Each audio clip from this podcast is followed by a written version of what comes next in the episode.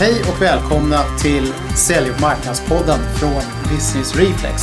Det här är podcasten för dig som vill ha ny inspiration och kunskap om hur man marknadsför och säljer till den allt mer digitala business-to-business-köparen. Nu är vi här i studion igen Anders. Ja, härligt. Ja. Och eh, det här avsnittet är lite speciellt. Det är ju då Lars och Anders nyårskrönika. Nyårskarameller. Nyårskarameller. Ja.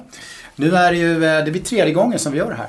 Ja, det blir det faktiskt. Så den här gången har vi bestämt oss för att lyckas. Ja, ja precis. Ja, och eh, ni som lyssnar här nu då, vi kanske ska ge- delge lite grann om vad vi kommer att eh, leverera idag. Anders, Ja, precis. Vi, vi har några olika delar här. Vi ska prata om eh, undersökningen Internet och svenskarna. Mm. Så vi använder, vi använder internet och sociala nätverk. Vi har samlat ihop en hel del intressanta böcker som vi läste under 2016. Mm. Och drar lite grann slutsatser av vad de kommer att betyda för framtiden. Och sen har vi också på, som på grädde på moset, har vi Mm. också ett par trender kring vad vi tror eh, kommer att hända under 2017. Ja, och jag skulle säga häng kvar tills vi kommer till de här trenderna. För några av de här grejerna ju, kommer vara väldigt betydande för eh, oss som pysslar med eh, marknadsföring och försäljning i den här digitala business-to-business-världen. Inget snack om den Ja, saken. precis. Jag tror alla som sysslar med eh, modernt företagande kommer behöva De kommer lyssna på behöva här. lyssna på det här också Ja. faktiskt. Men du, eh, eh, ska vi dra igång då det här med internet och svenskarna då? då? Ja, Eh, just det. det är ju en rapport som har gjort nu ett antal år eh, och, eh, och den, den här rapporten då som vi har studerat den kom ju här i september, oktober eh, någon gång och det är en, den är överlägset största eh, och en väldigt komplett eh, genomarbetad undersökning som görs. Och då kan man säga så här att eh, eh, eh, om vi ska börja någon sorts ändå nysta i det här. Då, Ska vi börja med sociala nätverk. Ska vi Mm. Ja. se till att vi får statistiken rätt här då. då. Mm. Men, men det man pratar om här då, det är ju att, att eh, det här med sociala nätverk. Vi har ju framförallt tittat då på siffrorna som handlar om de som är mellan 26 och 65 år eftersom det är framförallt eh, B2B, marknadsföraren och säljarnas målgrupp ska jag säga. Ja. Eh, men- Även B2C kan jag tänka mig. Det är där Ja, flisen finns. Där Cashen. flisen finns ja. Där Precis. finns cashen. Ja. Så kan man säga. Eh, men om man specifikt skulle skära ut lite eh, information kring det här då. Så att om man tittar på den här lite yngre målgruppen, de som är 26 till 35. Ja. Så är det ju så att det är Facebook som är ju eh, väldigt dominant. Ja. Det tror jag de, de allra flesta ändå har en känsla för. Men det är hela 87% Mm. av människor i den målgruppen som använder Facebook dagligen. Ja. Eh, tätt följt tänkte jag säga, men det är faktiskt inte riktigt tätt följt. Men ändå Instagram är ändå den tydliga tvåan här Mm. med 61%. Och sen kommer LinkedIn med 38 och sen Snapchat med 28. Precis. Och Eh, det är vad tycker man när man pratar med, med, de, med personer som inte har Facebook. Mm. Då gör ju alla de gör liksom en grej av det. Mm. Så det är verkligen undantaget. Och det märker vi här nu. Nu har vi siffror på det också. 87% kör alltså Facebook. Eh, Ja.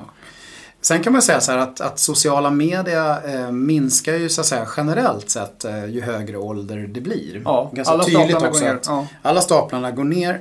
Eh, Men det är ändå som så att, att tar man de som är då i den äl- äldsta åldersspannet 56 till 65 så är det ändå över 50% som är på Facebook. Ja.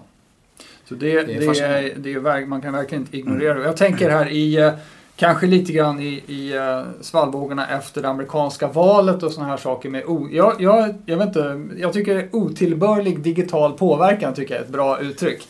Ja. Det, det vilar, tycker jag, ett otroligt ansvar på Facebook. Det finns de som säger att Facebook är liksom inte en publicist. De ansvarar inte för vad, för vad som publiceras på Facebook. Men det är ju deras jäkla algoritm i alla fall som väljer ut vad som ska komma i folks strömmar. Så att det här med påverkan av det som man... Om, om, om, det, om folk nu blir påverkade av det de eh, läser, konsumerar Mm. på Facebook så har Facebook ett oerhört ansvar när det gäller att inte den där verkligheten skruvas för mycket. Alltså, för Ja, det, är blev farliga en, grejer. Ja, det blev en otroligt intressant debatt här kring eh, de här vanliga medierna fick ju ta rätt mycket stryk här i Sverige med att de inte liksom åspeglade det här liksom på ett vettigt sätt eller på ett realistiskt sätt och det var ju många som hävdade att sociala medier där kunde man förutse att Trump skulle vinna och så vidare. Men det är ju en helt, eh, nästan lite läskigt hela den här mediasituationen vi har hamnat i. Ja, det är det. Speciellt som eh, det finns då, eh, vad vi förstår, stater som har satt det här i system Mm. att använda de här kanalerna för att påverka människor. Oerhört kraftfulla verktyg. Så att det, det kanske inte var det vi hade riktigt tänkt oss. Nej.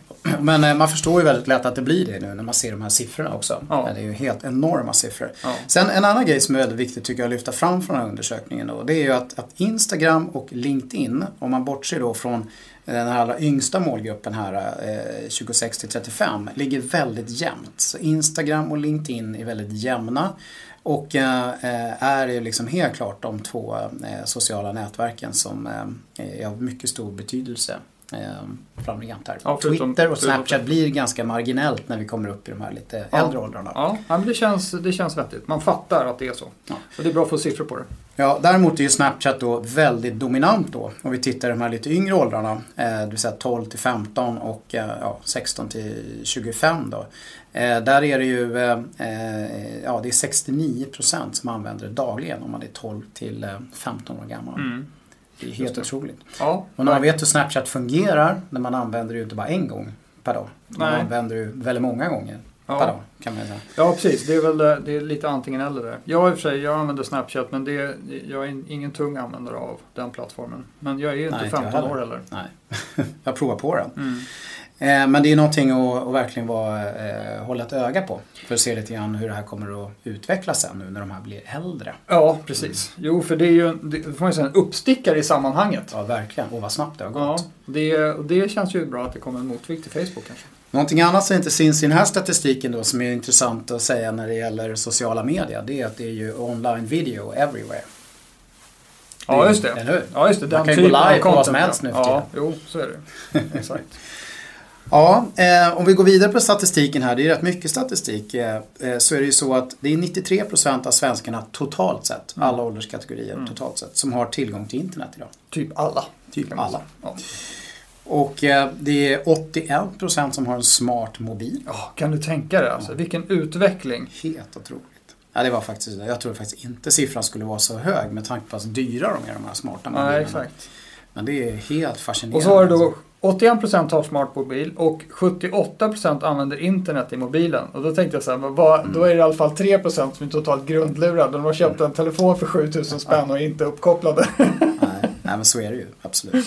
Och vad är det vi använder då eh, internet i mobilen till? Det är ännu roligare. För då, det som toppar, det är att vi kollar tidtabeller.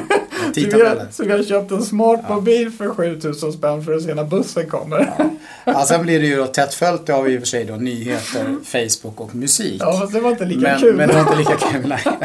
Men tidtabellerna toppar ändå. Tidtabeller toppar. Jäkla kollande på tidtabeller. Ja, Ja, det är helt vi är otroligt. ett tidsfokuserat folk här i Sverige. Ja.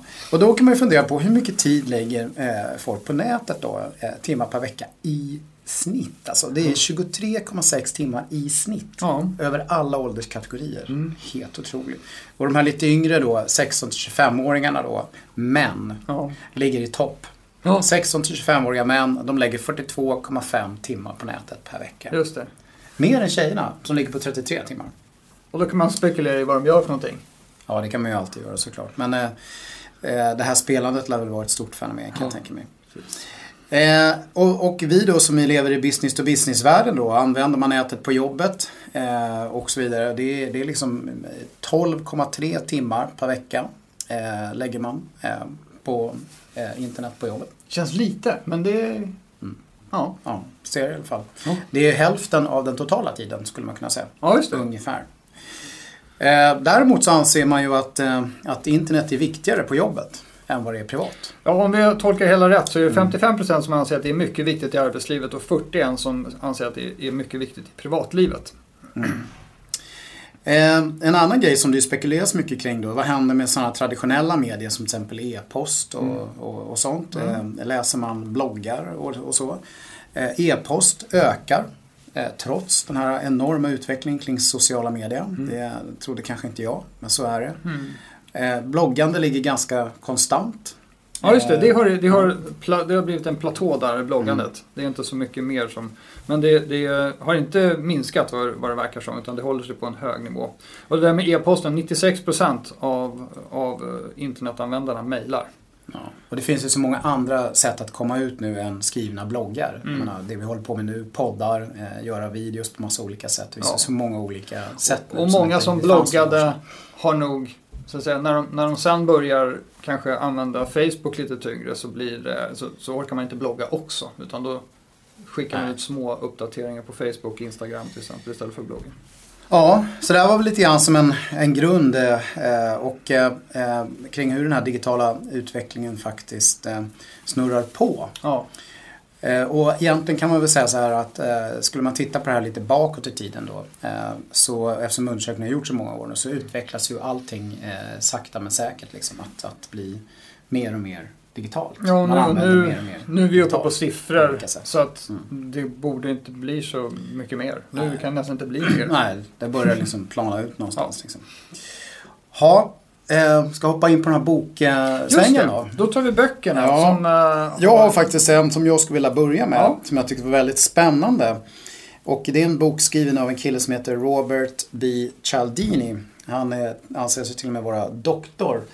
Eh, han har ju gjort en, eh, en bok eh, som har varit, eller en arm, en bok i amerikanska skolor, jag tror även svenska marknadsföringsskolor, som heter Influence. Som har kommit i olika upplagor. Men nu har han kommit med en ny bok som är en uppföljare på den här boken som heter Persuasion. Och den är lite intressant tycker jag. Mm. Någonstans så kan man känna lite så här att vad blir nymodigheten här? Ja. Men han är rätt så på det ändå tycker jag. Och det det hela går ut på det är att eh, han är inne på att ska man bli riktigt framgångsrik kommunikatör och påverkare så måste man sätta en människas mindset eh, på rätt vis. Mm. Innan man levererar det man vill ska hända. Mm. Jag kan ge ett exempel. Så det säger du kommer ut från en mataffär och så står någon och säljer popcorn. Mm. Och så säger han, popcorn kostar 10 kronor. Mm. Och då känner du, du är inte hungrig och vill inte köpa popcorn. Nej. Men om du kommer ut från en mataffär och någon undrar om du vill hjälpa svältande barn. Mm. eh, Så säger du, ja det vill jag. Bra, här har vi popcorn. Eh, kostar 10 kronor, 5 kronor går till svältande barn. Mm. Då blir du mycket mer benägen att köpa. Mm. Eller om man skulle säga så här att eh, eh, Vill du hjälpa marknadsföringen att eh, föra sig framåt? Mm. Då säger du förmodligen ja. Och om jag då kommer med en undersökning som säger så här, här undersöker vi hur marknadsföring ska föra sig framåt. Så blir du väldigt mycket mer benägen att svara på den. Än om vi bara hade slängt fram, här är en undersökning som vi vill att du svarar på. Vill du svara på en undersökning? Bara, nej, det vill jag inte. Och med tanke på hur vanlig den här situationen är hela tiden. Mm. Att, man, att man vill att någon ska ta en action, göra någonting. Mm. Eh, och hur pass sällan det är att någon lägger manken till att försöka få dig att sätta dig i ett visst sinnesstämning eller tänka på ett visst sätt Mm. innan den här call to actionen kommer. Just Det är det. ganska fascinerande. Ja. ja, det. Man ser det ju man ibland, eller det. Men det är ju väldigt sällan trots allt. Ja. Eh, Och den här boken eh, handlar väldigt mycket om det här och effekterna utav det här och hur man ska liksom skapa det här på olika sätt eh, i olika situationer. Hur man gör det liksom för att det ska bli eh, bra. För det kan ju också bli lite farligt. Det kan ju bli påverkan på ett sätt som man kanske inte riktigt vill heller. Mm. Intressant. Vi kommer att länka till alla de här böckerna i show notes, eller? Precis. Där var Robert. Så det var, det var Persuasion, boken om hur man påverkar folk. Ja. Ja, och en annan som jag var inne på då det är vår gode vän Jay Bear. Mm. Eh, som jag tror ganska många, framförallt svenska marknadsförare, börjar bli lite bekant med. En amerikan. Eh, han skrev ju boken Utility här för ett par år sedan. Mm. Eh, som fick ett väldigt genomslag. Eh, och den handlar ju om hur man helt enkelt gör hjälpande, värdeskapande marknadsföring på massa olika kreativa sätt. Marknadsföring så bra att man borde kunna betala för den. Utility. Mm. Den här boken blev nu inte en uppföljare, vilket jag kanske trodde, utan den blev ett helt annat tema. Hag, Hag your haters heter Just det. Och eh, där går han helt enkelt in på eh, hur väldigt viktigt det är för eh, vi som pysslar med marketing och sälj att verkligen tänka på hur vi tar hand om våra kunder i digitala kanaler. Eh, de befintliga kunderna. Eh, och eh, han pratar mycket om att det finns två sorters så här Haters. Precis. Mm. Två sorters haters. Ja. Det är on-stage haters, sådana som uttrycker det officiellt. Och sådana som är off-stage, sådana som uttrycker vad de tycker eh, utan att det syns liksom i offentlighetens ljus. Aha, okej. Och det är naturligtvis mycket svårare att hantera de här som inte syns Ja. i offentlighetens ljus. Ja, och eh, en hel del företag vill bara lära sig det här att man måste ta hand om det som händer i offentlighetens ljus. Ska man försöka locka fram de där offstage-människorna? Ja, på ett sätt är det väl så. Men samtidigt är det väl också så att, att man måste vara medveten om att det sker massa saker offstage. Mm. Så att man måste liksom bemöta grejer där och kanske också vara lite mera Eh, aktiv eh, och ha den förståelsen. Ja, så att det inte börjar hända, om man säger offstage. Jaha, Där behöver man vara liksom ett steg före. Ja, det, det, tror jag också. Och det tror jag många fattar, att vi ska ha hög kundservice, vara mm. responsiva och allt sånt där. Men, men jag tänker att om det nu sker saker då i det lite mer tysta. Då blir det ju, för att få tag på dem så måste mm. man ju då vara mer aktiv själv. Och det är kanske är lite märkligt att tänka att man ska börja hålla på och vara mm. aktiv mm. för att hitta de negativa människorna. Mm. Man vill ju ofta hitta de positiva för att förstärka det. Nej, och det, det, finns ju olika sätt här som man uttrycker sig på eh, och eh, man måste vara medveten om, om att de, det finns en massa olika sätt. Det är mail och telefoner men sen är det hela den här sociala världen såklart. Men det är ju även olika typer av review-sajter och det är olika typer av forum som börjar dyka upp väldigt mycket inom olika branscher och sådär. Där, där det tycks en väldig massa. Ja, men jag tänker det, ju, det måste ju vara on stage då. Om man tycker saker på forum, då är man ja, väl officiell med vad man då tycker? Då är man on stage, ja. ja. Fast det kan ju vara ett låst forum eh, för viss mån. Review-sajter är ju alltid on stage och eh, sociala medier är ju on stage. Medan ja. telefon, då, då är det ju mellan dig och mig bara. Och eh, mail också kanske. Behöver ju inte vanligtvis men... Eh, Eh, så att eh, det handlar här om. Jag tycker att den är, han, han, gör det bra. Den är läsvärd och eh, det är ju helt klart någonting som vi alla behöver tänka mer och mer på. Hur vi tar hand om det där. Så, att, så det nya här är egentligen, tänk på hur du tar hand om de som kanske inte gillar dig så mycket. Ja, plus att man måste, måste också lära sig olika sätt och tekniker för hur man jobbar med det här totalt sett och ha strategi för. Mm. Och det har J. spottat ur sig i den här boken. Det spottar han ur sig i boken. Härligt. Okej, okay. och bra då. Jakten på känslan mm. heter en bok. Eh, som, eh, Kul med en svensk bok. Ja, det tycker jag också. Eh, den, den är, är skriven av en kille som heter Arvid Axland tillsammans med en dansk. Eh, som har lite svåruttalat namn, så att jag skippar det. Eh, okay. det är så här, han, jag har intervjuat Arvid för podden och eh, avsnittet efter den här nyårskrönikan blir en längre intervju med Arvid Axland om det här med känslan. Eh, och vad menar vi då med det? Jo, det är så här att det är viktigt att förstå att allting vi gör eh, producerar någon form av känsla hos mottagaren. Om man inte blir helt ignorerad. Någon form av upplevelse? ja, det är en upplevelse som då är en känsla hos, hos mottagaren. Och det är allting. Eh, jag tror att det är väl det grundbudskapet eh, när jag pratar med Arvid. Det, det handlar om att förstå att alla interaktioner, alla spår man lämnar efter sig eh, kommer att producera en känsla hos någon om någon märker det överhuvudtaget. Mm. Eh, och det ska man vara medveten om. Ett kärt exempel är ju eh, sådana här uppenbara grejer som att varför kostar, varför lägger Apple så mycket pengar på sin paketering? Mm och, och eh, gör det till en upplevelse när man öppnar lådan. så att säga. Det är ju det är inte av en slump att de gör det. Och det är bara ett litet exempel på hur, hur det kan vara. Hur kommer det sig att man betalar eh, 10 kronor för en kaffekopp jämfört med en hundring?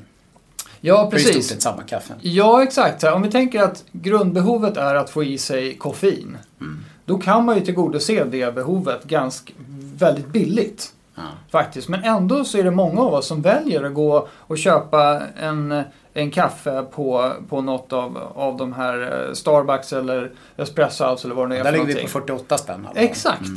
Och sen finns det, det finns ju ställen där en kopp kaffe kostar 100 spänn. Mm. Och folk är beredda att betala det också. Det mm. handlar ju om värdepaketering av en kopp kaffe. Att avnjuta det där koffeinet som egentligen det man var ute efter från början.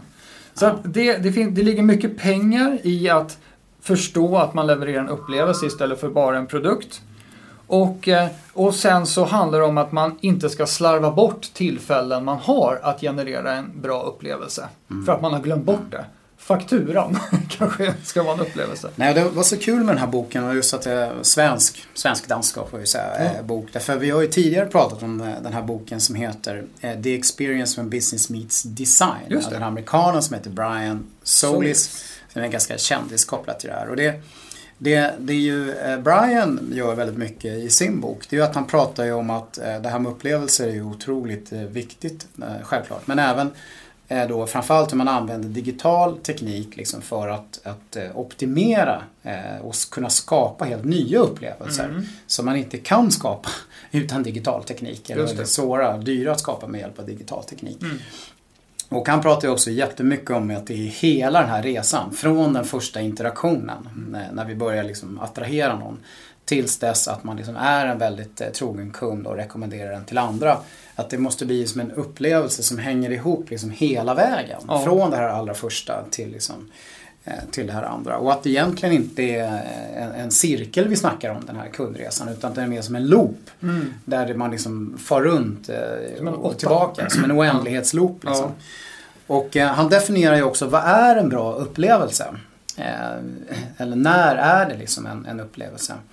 Eh, och, och, det hävdar han här då, när man är beredd att dela den med andra. Så att om kaffet är så gott, ja. eller upplevelsen är så eh, härlig, liksom, om man berättar den för någon annan, ja. då är det liksom verkligen en, en riktig upplevelse. Det är ett bevis på att man har lyckats som upplevelseskapare. Ja. Oavsett om det är den fysiska världen eh, eller den digitala världen mm. eller en mix av de två. Liksom, mm. Vilket Just är allt vanligare. Just det, och, och där är väl han inne på också att man, om man för ett ögonblick glömmer sina gamla processer, hur man har slipat på att bli effektiv i olika kanaler och sådana saker och tittar på hela sin kundinteraktion som en enda lång rad av upplevelser mm. och försöker designa sitt företag och sitt erbjudande utifrån den aspekten. Ja. Man struntar i allt det man har gjort hittills utan bara tittar på allting ur upplevelseperspektivet så får man en, en jäkligt bra och tydlig målbild som troligtvis skiljer sig rätt mycket från hur man har jobbat med sitt företag eh, historiskt sett. Ja, och det intressanta som du är inne på just nu, hans rekommendation är ju då att man egentligen inte ska försöka förbättra det man gör idag. Exakt. Utan tänka helt nytt ur lådan liksom, mm. och verkligen bara bygga allting utifrån kundens, eh, köparens liksom, ja, perspektiv. Ja. Eh, han har ju mycket verktyg där om hur man faktiskt gör sån här mapping och, mm. och sånt. Så det är bra. Eh, ja, annars så kan man väl säga så här att eh, det är ju, han också pratar mycket om Brian och det har jag pratat med många andra om det här året. Det är att att det kommer bli ett nytt framtidsyrke som kommer uppstå här. Ja, det kanske redan har uppstått dessutom. Det här att man blir, det kommer behövas väldigt många experience designers. Mm. Sådana som kan designa sådana här upplevelser. upplevelser ja. Både fysiska och digitala i kombination med Just det. Eh, nya jobb. Ja. Nya jobb. Människor som, som fattar just den där grejen mm. och som kan ta hand om den där grejen. Just det. Och det tror jag inte det finns så många av idag. Nej, nej. Nej men så är det. Det kommer att komma massa nya härliga jobb som vi ska... Ny gymnasieutbildning. Ja. Experience design. När, när de här industrirobotarna gör allt annat och taxibilarna mm. kör sig själva och sånt, då får vi bli dis, då är det det vi får göra designers. Ja. ja. Det är bra. Det finns en bok till då som kanske länkar in det här lite grann. Den heter Membership Economy och är skriven av Robbie Kellman Baxter som vi har haft en podd med eh, ett bra tag tillbaks. Så den kan man titta tillbaks då om man vill lyssna på mer om det här. Men, men jag tänker att um, Membership Economy är, handlar ju om den här the forever transaction kan man säga, den här mm. eviga kunden. Att det bara mm. en, en relation bara fortsätter och fortsätter istället för att man istället för att man ser att man har en transaktion, säljer någonting till en kund och sen så glömmer man det. Det är väl mm. extremfallet. Eh, utan man, man, man eh, bygger upp sitt företag och sitt erbjudande utifrån den här evighetsrelationen. Egentligen. Mm. Att man bara mm. fortsätter typ Netflix, att det är ett abonnemang som bara löper på. Mm. Och så länge Netflix levererar så eh, är jag lojal. Och då handlar det om, tänker jag, att man ska tänka på det här med upplevelseekonomin och upplevelsedesignen, sitt företag och se det ur ett väldigt långsiktigt perspektiv, affärsmässigt. Mm. Så att då kan man länka ihop de här eh, de här upplevelsen och jakten på känslan med Membership Economy Eh, perspektivet som, som då eh, Robbie skriver om i sin bok. Att man, det här med lojala kunder pratar vi ju ständigt om, det vill man ju ha. Så att säga. Det, det känns ju bra ur ett ekonomiskt perspektiv och man fördjupar relationer och sådana saker. Men då gäller det att man faktiskt designar sitt företag för att det ska vara, finnas möjlighet att ha lojala kunder som inte bara köper en eller ett par gånger. Att man inte kallar saker för eftermarknad och sådana där grejer. Utan att det är mer en, det är en kontinuerlig relation här som man går in i. Eh, ja. Och eh, där kommer den här Membership Economy-boken in. Är det inte så också Anders att, eh, att hon kommer in en hel del på det här med att det faktiskt är de som är members som är, det, som är med och skapar en hel del av av värdet? Ja, det, det finns olika saker Det- som... Det, det, det, är inte, det är inte det som gör om det är ett membership economy-företag eller inte. Men det är en viktig aspekt på det. Man kan se det som... Vissa företag bygger det här kring en väldigt stark community. Och eh, där kan man ta ett exempel, Face, eh, förlåt, eh, Salesforce. De har ju en community av väldigt duktiga administratörer. Som Salesforce eh, vurmar väldigt mycket för. Eh, man får komma till Salesforce konferens och hålla föredrag där och visa att man är en guru. Fast man inte jobbar på Salesforce. Och Mm. det har visat sig att, att vissa av de här människorna känner större eh, en starkare relation med Salesforce än vad de gör med det företag där, där de råkar jobba. Så att där har ju Salesforce gjort väldigt bra jobb och då, då är de, de är liksom medlemmar i Ja, Salesforce-community. och är med och hjälper andra medlemmar att skapa Ja, värde. precis. Och skapar en otroligt stark relation där. De, de definierar sig som Salesforce-specialister snarare än CRM-personen som råkar jobba på Telia eller vad det är för någonting. Du touchar lite grann på det här med organisation. Att det behövs liksom en annan typ av organisation kanske. Eller att framförallt en organisation som måste tänka på ett lite annorlunda sätt för att det här ska bli verklighet. Så nu vet ju jag Anders att du har eh, snöat in ganska hårt på Ja. den här eh, boken. Ja, Eh, Eller boken, rörelsen kanske vi Rörelsen. ska kalla det för. ja Reinventing Organizations. precis. Om ni har hört talas om det här begreppet Reinventing Organizations så ska vi dra lite kort vad det handlar om. Har ni inte gjort det nu så, så tänker vi verkligen få er att, att fundera på att inte lägga, lägga, kanske lägga lite mer tid på det här. För det här kommer att bli, tror jag, väldigt, väldigt viktigt för väldigt många företag. Ska vi göra pitchen Anders? Ja, vi kan, jag tröttar ut folk på middagsbjudningar och sånt här med, med, hela tiden med det här Reinventing Organization. Jag tycker det är en otroligt inspirerande bok. Eh, det skrevs av, av en kille som heter Fredrik Laloux och eh, han eh, är för detta managementkonsult McKinsey så han kommer liksom från det hållet. Men funderade mycket kring det här med organisationsformer och samarbete. Och han drog någon sorts slutsats att varje gång mänskligheten har tagit någon form av produktivitetsskutt så har det eh, som funnit, det har gjorts i samband med att man hittar ett nytt sätt att organisera sig och jobba ihop. Mm. Eh, från kanske ensamströvande jägare på savannen till, till jordbrukssamhället där man jobbar i team och sådär. Eh, och eh, jag ska inte dra ut för mycket på det men man kan säga att de flesta av dagens företag ser, där jobbar man utifrån metaforen att man ser företaget som en maskin.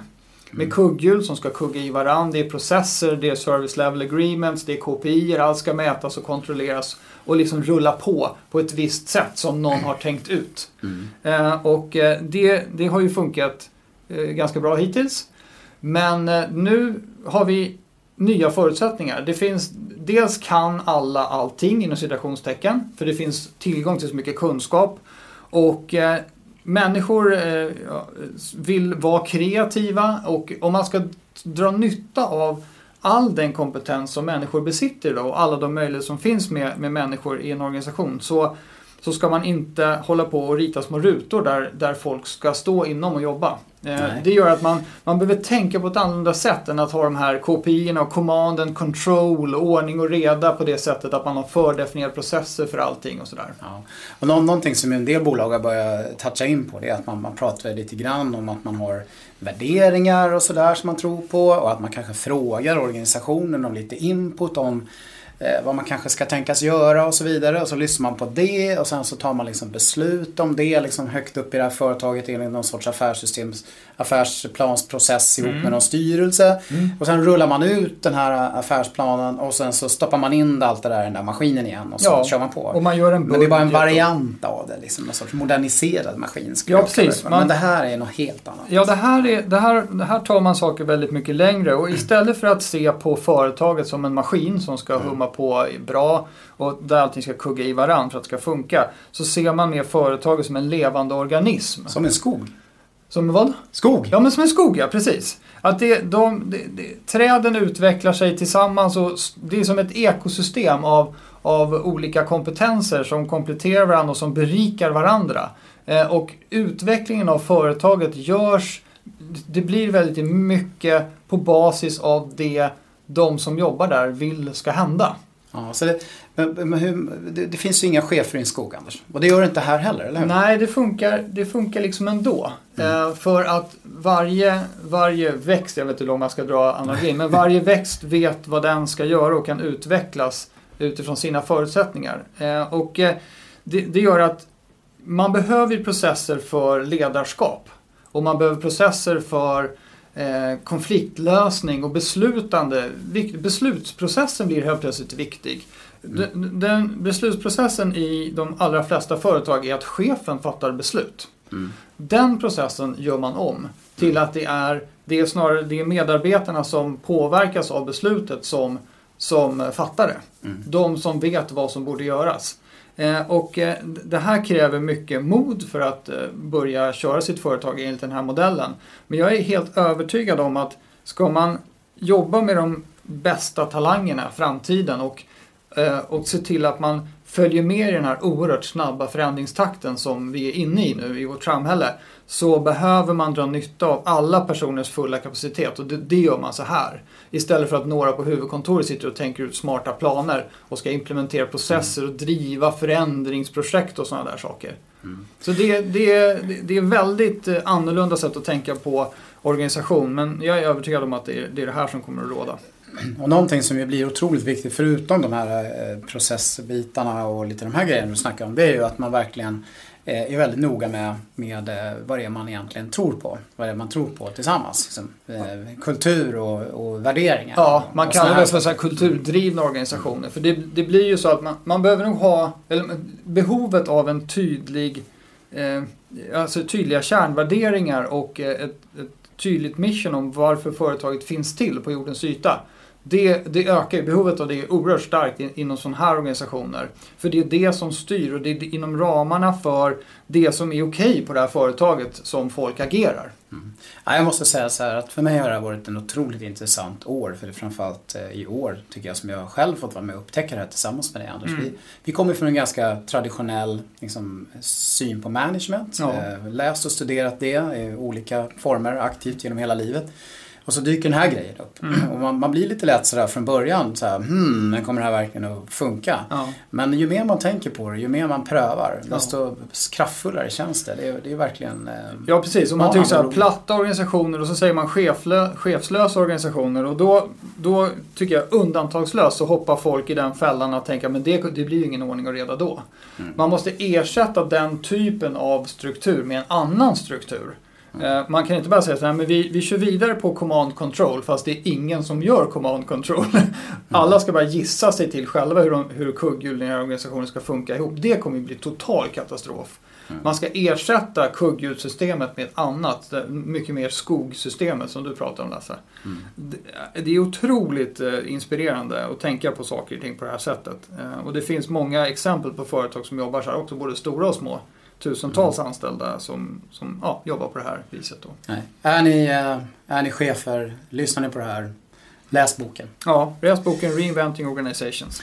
Du, någonting annat då som är kanske lite mer eh, inne på den här marknadsföringssvängen då, Ja, digital marketing. Eh, vi ska gå tillbaka till det lite så är det en väldigt tydlig trend, där har vi inte läst så mycket böcker men vi studerar ju bloggar och poddar och annat som snurrar kring det här, eh, är ju det här med automation. Mm. Eh, menar, artificial intelligence, cognitive analytics och allt sånt här snurrar ju överallt i samhället just eh, för tillfället, digitalisering och så. Men just det här med au- automation och automatisering och så eh, kommer ju att komma in mycket, mycket mer inom ramen för det här med marknadsföring. Inget Ja. snack om.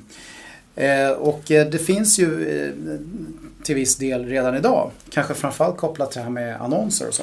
Ja, så drivkraften bakom hela digitaliseringsvågen som kommer nu, det är just att datorerna ska börja tänka åt oss och, och fatta lite mer komplicerade beslut. Med att, Automatiskt. ja, precis. Mm. Det är ju det som gör att vi ser, står inför någon form av det var någon som sa att det är inte den fjärde industriella revolutionen, det är den sista. Det Mm. kommer inte bli någon industriell revolution efter det här va? Utan det här, this is it. Och det handlar väldigt mycket om artificiell intelligens, AI, som är, som är jättebuzzwordigt och det är ju många som hoppar som flugor på en sockerbit här nu och kallar allting för artificiell intelligens till mångas förtret. Men, eh, men eh, precis som du säger, de som, vad jag ser i alla fall, har dragit störst nytta av det här hittills. Att Mm, inom marketing, ja. Ja, precis. Har dragit stora fördelar av all den information de samlar in och det är ju två gorillor på marknaden, alltså Facebook och Google. Mm. De två organisationerna vet ju extremt mycket om väldigt många människor. Mm. Och det drar ju de nytta av i princip på ett enda sätt. Nämligen att placera ut rätt annonser framför näsan på rätt personer. det, det som är fascinerande kring det här, det går att, att gö- göra otroligt avancerade sådana här saker redan idag. Absolut. Det, är inte, det är bara en ganska liten del av alla marknadsförare ändå som verkligen utnyttjar alla de här möjligheterna. För det Mm. fin- och det, kom, det är bara början på en utveckling. Ehm, Det är ju som vi pratar mycket om annars, Anders, det är ju det här med, med marketing automation och Ja. sånt. Där man kan ju så att säga skapa någon form av programmering eh, eh, där själv då, eh, beroende på vad som händer och sker i den digitala världen så, så gör så att säga, ett system någonting Ja. så att säga, eh, som ska vara smart Ja, och, och hjälpa någon framåt. Och än så länge behöver man ju fundera ut alla de där reglerna själv. Precis. Ja, precis. Eh, Och där, inom det området kommer ju det här också komma, eller hur? Det kommer, Antagligen. vara, det kommer, ju, kommer ju vara på det viset att, eh, att de här systemen blir också självlärande Mm. och, och ser liksom mönster och, och lär sig liksom, eh, olika typer av beteenden och kommer Mm. därmed själva att kunna ta beslut utan att vi behöver programmera fram så att säga, vad som ska hända och ske. Just det. Eh, det är Ja. riktigt, så, så det är inte bara annonser som, som kommer att dra nytta av det här med AI och stora datamängder utan även andra kanaler. Som då e-mail är väl en tydlig sån. Vi pratar ju om det här med reinventing organizations men vi ska plocka ner det lite mer jordnära kopplat till framförallt marknadschefens roll som vi pratar mycket om i Sälj marknadspodden, att den kommer förändras. Hur skulle du beskriva det Anders? För du har ju jobbat en hel del med de här frågorna på senare tid. Ja, men, men vet du vad? Bara en liten grej Mm. först om det här med automation. Det, Ja. ju, det finns ju en, eh, en, intressant, det, eh, en intressant produkt för oss marknadsförare. Eh, Den heter Lucy. Och Lucy bygger på den här IBM Watsons eh, teknik. IBM Watson är väl den mest kända kognitiva datorn kan man tänka Precis. sig. Sen den vann, den vann ju Jeopardy och allt det här som alla känner till. Eh, Så nu, nu börjar det komma tillämpningar som bygger på den, mycket inom hälsovård och sånt. Men, men Lucy är alltså en produkt som är till för oss marknadsförare. Eh, Och eh, den använder sig av Watson-teknologin för att med hjälp, som använder en himla massa data. Både intern information, PowerPoint-presentationer, Excel-ark och allt vad det nu är för någonting. Och kombinerar det med externt tillgänglig information som Twitter-profiler och sådana saker. Och kan hjälpa till med segmentering av marknaden, kan hjälpa till att spotta ur sig mediaplaner. Varning, varning alla mediebyråer. Det här var sista spiken i kistan.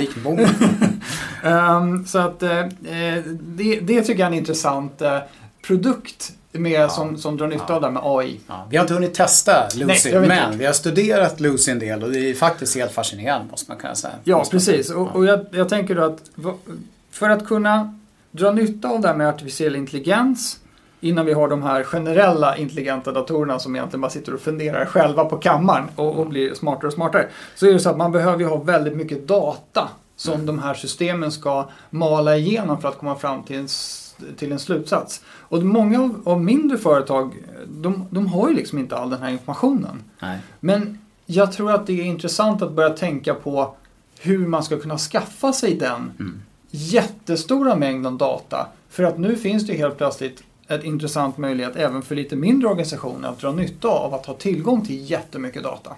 Det, det här kan vi faktiskt utlova ett poddavsnitt eh, till här också lite längre fram i januari som handlar specifikt om det här. Och det är fascinerande hur mycket datakällor det finns som Mm. faktiskt är ändå, ändå ganska lätta att tillgå. Ja, Eh, och, som man inte tänker på till det. vardags.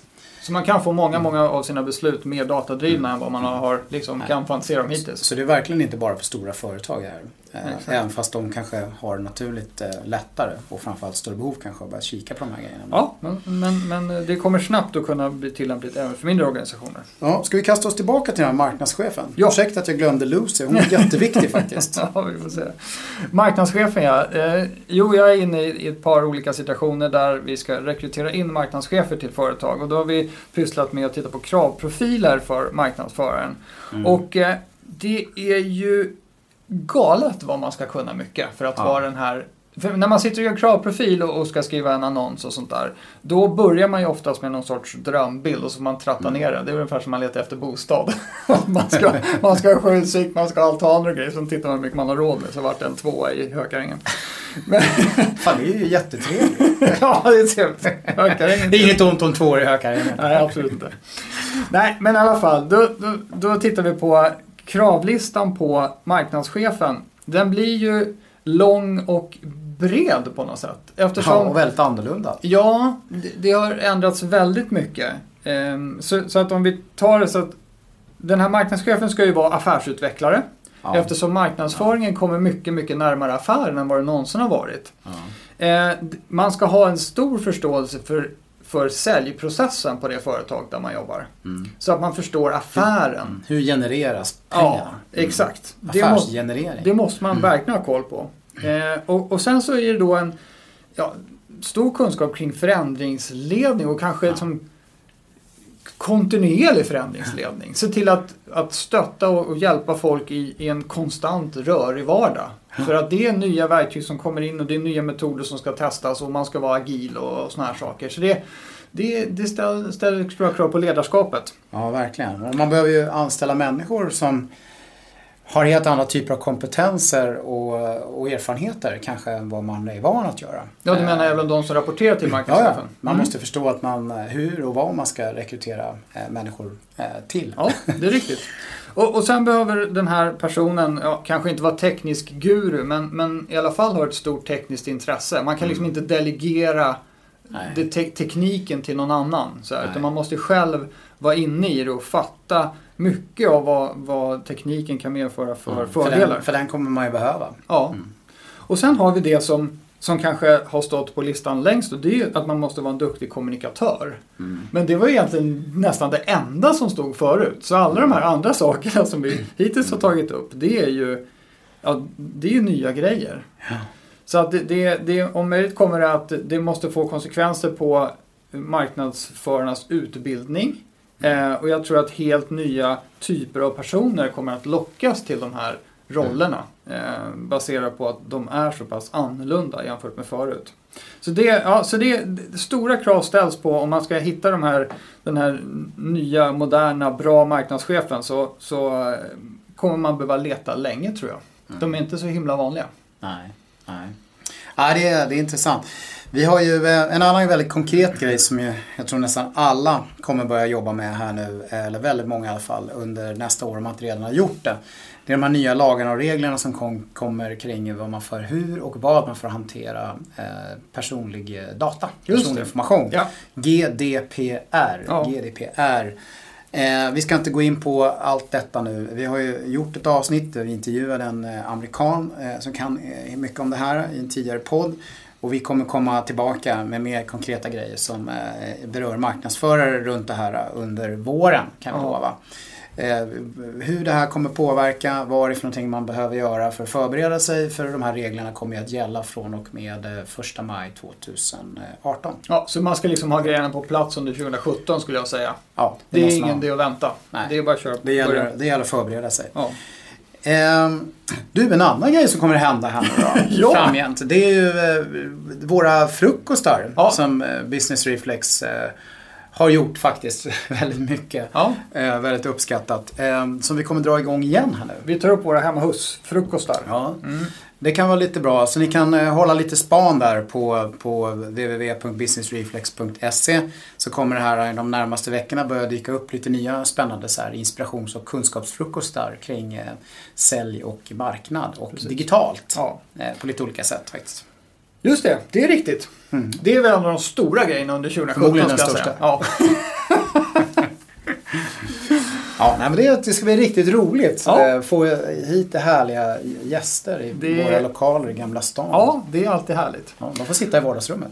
Det får de göra. Mm. Ja. ja, så vi har snackat om uh, Ja, Internet du, och svenskarna. Precis, många procentsatser där. Slutsatsen är att alla kör Facebook. Men håll koll på ditt flöde så att du inte blir uh, vad heter det, offer för otillbörlig digital påverkan. Ja, och sen så var det de här spännande böckerna då. Där, eh, där den som eh, kanske inte har så mycket med marketing att göra men som kanske ändå får den största impacten i Reinventing Organizations. Ja, den... Det är i alla fall vi frågar Anders Hermansson. Ja. Vilket vi gör nu. Ja, precis. Ja, ja eh, det är riktigt. Och, och sen har vi eh, automation, den sista industriella revolutionen och mm. påverkan på, med artificiell intelligens och sådana saker, påverkan på marknadsföringen. Det gäller att hålla ett stort koll på det. Och ja. naturligtvis, i, som en följd av det där, hur ska man tänka när man ska rekrytera en marknadschef till sitt företag? Att det är en, eh, det är en stor och bred roll som man ska rekrytera en person till som behöver ha kompetens som spretar åt alla håll och kanter. Ja, och börja för, förbereda dig för GDPR. Ja, precis. Ner till, det, där är det. Ja, där har vi det. Och så frukostarna på det. Mm. Ja. Jaha, hur ska vi göra nu då? Ska vi avsluta det här som vanligt då? Ja, jag tycker det. Ja, vad ni än gör där ute nu 2017 så ska ni se till att vara relevanta. Hej då! Hej då!